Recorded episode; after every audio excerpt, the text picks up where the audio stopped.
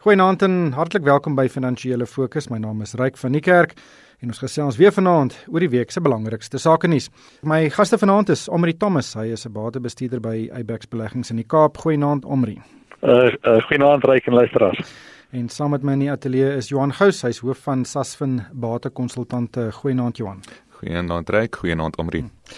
Wel, dit was 'n 'n week van vuurwerke veral vir die ouditeursgroep KPMG. Ons het nou verlede week gesels oor die groep se erkenning dat dit foute gemaak het met verskeie audits wat verband hou met Gupta beheerde maatskappye en die maatskappy het ook sy bevindinge teruggetrek van sy omstrede verslag oor die sogenaamde geheime ondersoekeenheid binne die Suid-Afrikaanse Inkomste Diens. Maar die groep het geen kriminele of korrupte gedrag erken nie. En hierdie week het Sasfin en Ulusani ook vir KPMG as hulle ouditeur in die pad gesteek en dis baie duidelik dat baie ander maatskappye ook hierdie eh, opsie oorweeg. Omri, wat maak jy van wat hier aangaan?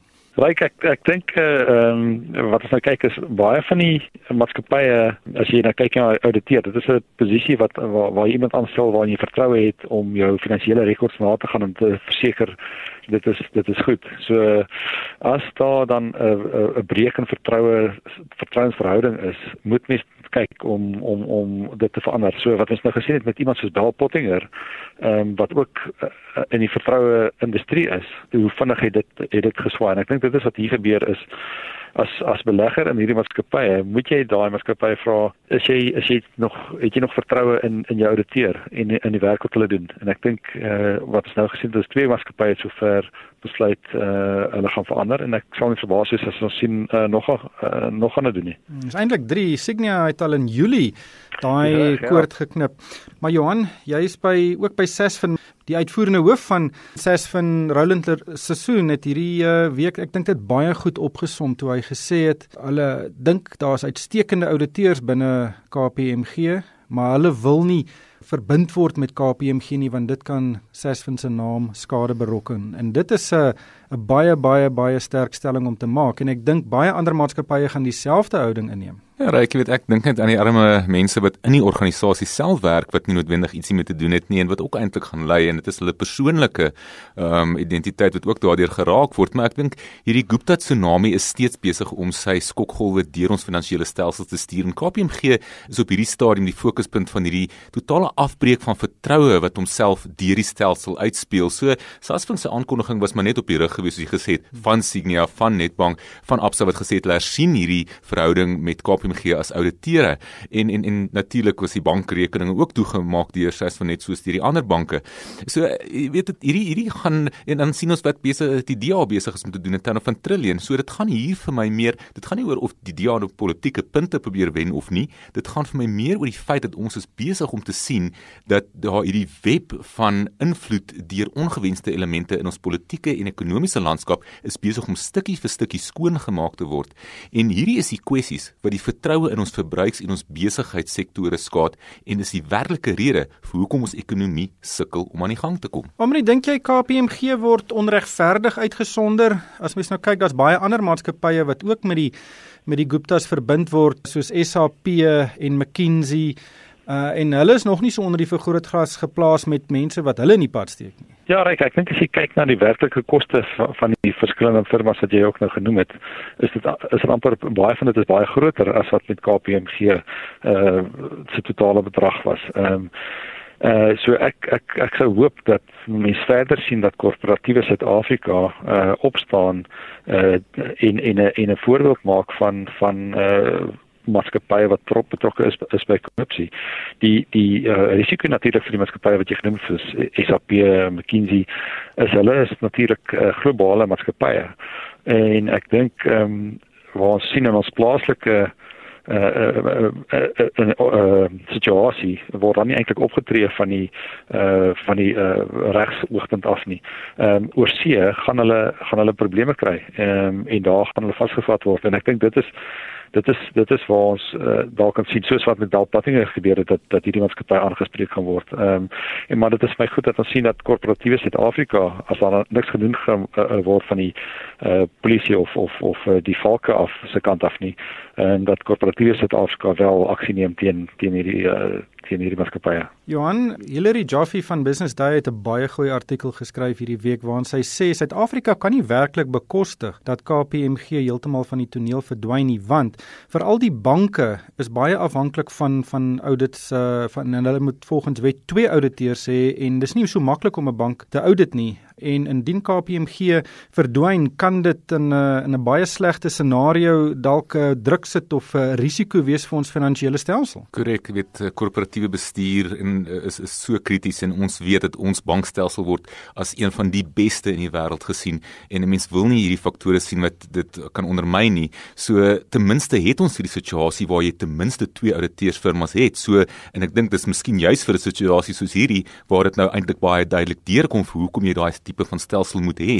Maar ehm um, dit gaan natuurlik 'n kompetisie effek ook hê, dan is ons een minder kompeteerder wat in die mark is en dan ja, hierdie oorgangsfase gaan krities wees om te bestuur uh, want dit is so, dit is 'n baie komplekse tipe van instelling om te audit en ons kan uh, ons moet net hoop dat die die die banke sal in staat wees om daardie oorgang behoorlik te bestuur.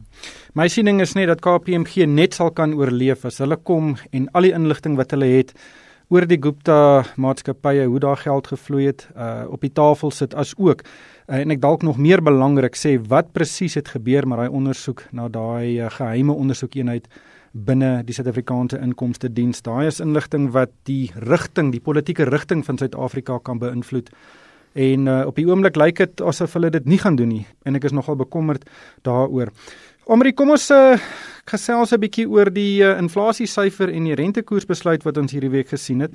Die inflasiekoers was 'n bietjie hoër, 4,8% uh, vir Augustus en dit het dalk 'n groot rol gespeel in die Reserwebank se besluit om rentekoerse onveranderd te laat. Hoe lees jy dit? Ja, ek ek dink ek dink is reg. Ek dink hulle was bietjie bekommerd oor die inflasie syfer wat uh hoër was as verwag en ek dink ook hulle is bekommerd oor die inflasie verwagtinge vorentoe wat redelik uh, hoog was. Ehm um, wat daarmee nog saam saamspeel is dat see sien ons dat daar monetêr gekyk word om om ook bietjie uh die belt stywer te trek. So ek dink hulle wil ook is ook versigtig om uh, in 'n siklus in te gaan wat ons rentekoerse sny terwyl die res van die wêreld besig is om rentekoerse op te op te op, op te stoot. Ehm uh, ons sien ook natuurlik van van kospryskante af met met die uh voelgriep en met uh hoë vleispryse dat daar voedselinflasie is, elektrisiteitsprysverhogings wat gevra word van van amper 20%. So ek dink daar's redelik inflasie druk. Uh die rand het weer 'n bietjie verswak en ek dink hulle was hulle was maar net versigtig om ook veral net voor die feestyd ehm um, weer rentekoerse te sny en en daar verder verbruiksbesteding uh aan te moedig. Ehm um, alhoewel die ekonomie is onder druk en verbruikers is onder druk. Ehm um, maar ek dink hulle is versigtig om om uh, inflasie vure verder uh, aan te stook. Johan Lesetja Kanyago, die president van die bank het eintlik 'n baie baie negatiewe prentjie van ons ekonomie geskets. En in in daai konteks gaan 'n 'n kwart persentasiepunt se rentekoersverandering nie werklik 'n verskil maak nie. Nee presies, uh, Ryk, jy weet ons ek, ons praat hier oor 'n kwart persent. Ons praat nie van half persent, 1% nie. Ons praat ook nie van dit uh, van die feit dat dit elke uh, keer wanneer die Reserwebank bymekaar kom die rentekoers aangepas word nie. So dit is klein aanpassings wat gemaak word en ons weet op die einde van die dag, kom ons gaan terug na die rol van die Reserwebank. Die Reserwebank is daar om prysstabiliteit te verseker, te sorg dat inflasie nie weghardloop nie. Um, hulle is nie daar om die langtermyn ekonomiese groei traject van hierdie ekonomie te bepaal nie. Daarvoor is daar ander maatreëls waar die ehm um, die regering meer verant, uh, verantwoordelik voor is. So kyk ons na wat hier gebeur het is is is, is tydsberekening is baie krities hier so want kom ons dink nou oor wat hulle besluit gister was. Dit was vrese in terme van waar inflasie kan gaan. So ons het gepraat oor uh, die kospryse, oliepryse wat besig om te begin styg en wat dit vir petrol kan beteken en dan ook natuurlik elektrisiteitspryse wat lyk lyk my ook nou met dubbel syfers kan opgaan. Maar dan gaan ons terug aan die rand toe en ons het drie groot faktore in die volgende paar maande wat opkom vir die rand. Die eerste ene is die mediumtermynbegroting in Oktober. Wat kan dit beteken in terme van enige populistiese aankondigings om stemme te wen? Dan het ons in November die kredietgraderingsmaatskappye wat weer eens hulle evaluasie doen en dan het ons natuurlik in Desember die nasionale verkiesing van die ANC. Daardie drie faktore kan bepalend wees vir waar die rand gaan en wat dit dan weer vir inflasie kan beteken. Ja, Omri, dis nie 'n mooi prentjie wat Johan hier skets nie, uh maar die die die tema hier is dat daar dalk groot druk op die rand kan wees in die korttermyn en dit is 'n uh, druk na die verkeerde kant toe. Ja, ek dink uh, as jy na Lesitja uh, uh, luister, het hy ook gesê uh, daar's politieke onsekerheid wat 'n impak kan hê op die op die geld en dit so absoluut reik dit, dit en dit is so moeilike uh call om te maak wat ek kan dit uh, dit uh, gaan. So ehm um, ek dink die Reservebank was was uh, redelik konservatief uh, en en het besluit kom ons kom ons wag maar eers. As ons kyk na die stemming op die komitee self dit was baie nou. Dit was uh, 3 elk ehm um, vir uh, rentekoerse sny of nie. So dit was dit was nie dat dit 'n een eenparige besluit was nie. Uh, die vorige besluit was dit 4-2 vir 'n sny. So dit is dis letterlik een van die komiteelede wat besluit het okay kom ons kom ons wag maar wag maar net bietjie. So ek en ek dink sodra ons dan bietjie politieke stabiliteit sien ehm um, en as van die politieke risiko's verminder ehm um, is daar dalk dan op daai stadium 'n rede vir die rand om om om te versterk en en inflasie verwagting om af te kom en en dan kan ons kyk na om te om te sny. Ek dink op die oomblik is hulle is hulle baie versigtig vir vir die politieke situasie wat wat vererger uh, inflasieverwagtinge wat nog verder opgaan en dan het hulle gesny met inflasie wat buite die uh raamwerk van van 3 tot 6% uh, gaan. En ons is baie naby aan die aan die bokant uh, as mens kyk na die inflasie verwagtinge vorentoe. So ek dink dit was seker die regte ding geweest om om net eers bietjie uh, op die hande te sit en uh, en en weer na die situasie te kyk uh, as daar as daar meer inligting beskikbaar is. Die volgende vergadering waar hulle 'n besluit kan neem is in November, Johan. Ja, uh, dis korrek, reik, maar ek dink dit gaan baie moeilik wees uh, vir die Reservebank om dan te sny en nie te lyk asof hulle onder politieke druk soog met die verkiesing wat opkom in Desember nie. Johan, ehm um, omreed vroeër verwys na voel voëlgriep, ehm um, wat 'n risiko is vir inflasie, maar dis uh, dit hou ook 'n baie groot risiko in vir die pluimveebedryf. Ehm um, daar is baie kommer daaroor. Daar's reeds honderde duisende hoenders van kant gemaak. Uh, wat is die situasie hier? Ja, Ryk, hierdie is nou eintlik die derde krisis wat die plaaslike pluimveebedryf nou die afgelope paar jaar beleef na die droogte wat voerpryse in 2015 en 16 laat styg het en dan ook die handelsstruwelinge met Europa oor goedkoop invoere. En die, die sleutelkwessie nou is hoe beheer jy die verspreiding van hierdie siekte want dit kom natuurlik in voëls voor en kan versprei deur uh, besmette wilde voëls as ook die inname van besmette water en en kos en Zimbabwe, Namibië, Botswana, Mosambiek en Zambië het almal reeds invoere uit uh, Suid-Afrika gestaak. Hierdie is die eerste uh, keer wat ons hierdie tipe van gevreesde H5 en uh, 8 tipe van voëlgriep in Suid-Afrika het. Dit is hoogs aansteeklik en dit kan vinnig versprei en dit affekteer ook heelwat voëltipes. Uh die regering het ook dan nou uitgekom en 'n nasionale verbod op die verkoop van lewendige hoenders ook aangekondig. Kom ons ge, gesels 'n bietjie oor die notering van Steinhoff Retail Africa. Omre uh, dis 'n taamlike groot notering um, op die JSE en dis taamlik positief ontvang.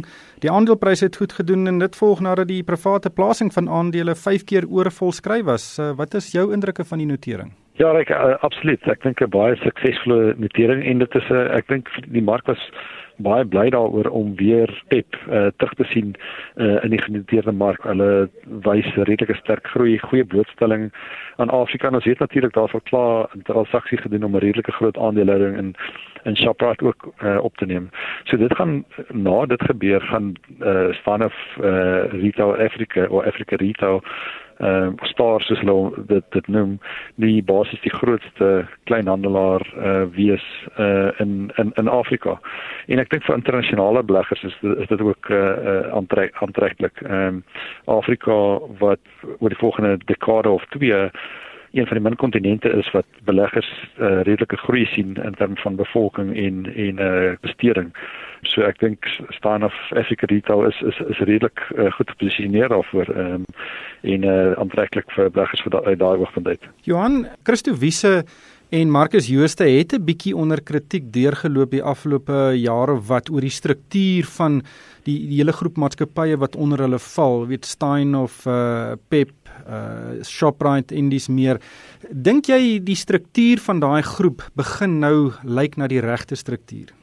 Ja, reik en ek dink wat ons uh, wel dalk hierso kan begin sien is hierdie tendens van Suid-Afrikaanse maatskappye wat hulle belange plaaslik en dan die buiteland bietjie meer begin skoonmaak en meer verdeel.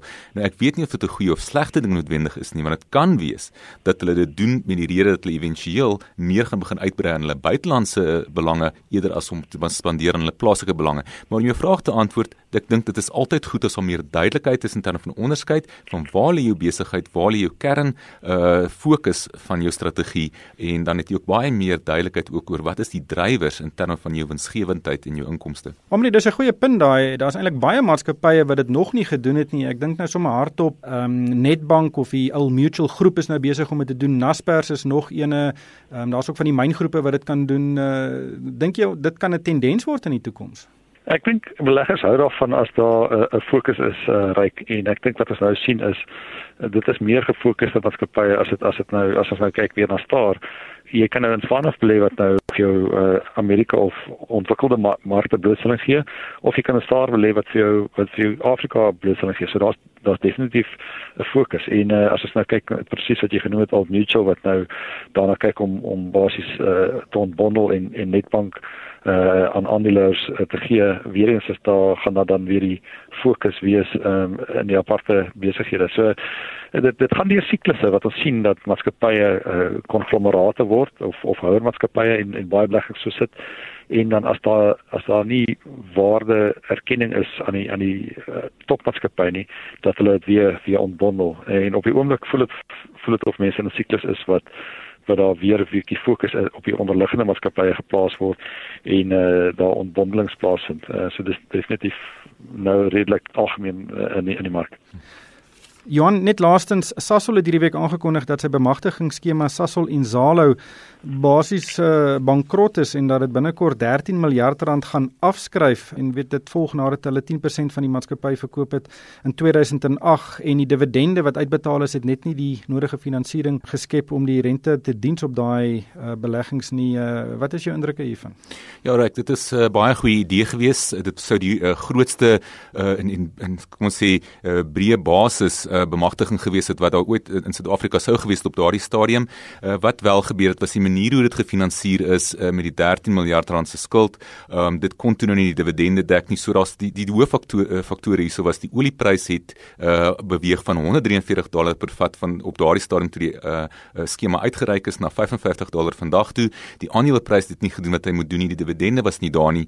Ehm um, so dit lyk of hier op hierdie stadium of uh, Sasol redelike hoeveelheid skuld gemoed afskryf in die volgende jaar Naspers self ehm um, het die het 400 miljoen rand uh, moes afskryf onlangs op op hulle tipe van transaksie maar Sasol het hierdie week 'n nuwe bemagtigingstransaksie aangekondig in die naam van Sasol Kanyisa wat spesifiek gaan gaan oor die Suid-Afrikaanse bedrywighede en daarom voel hulle dat die kanse is beter dat hierdie ehm um, skema beter sal werk.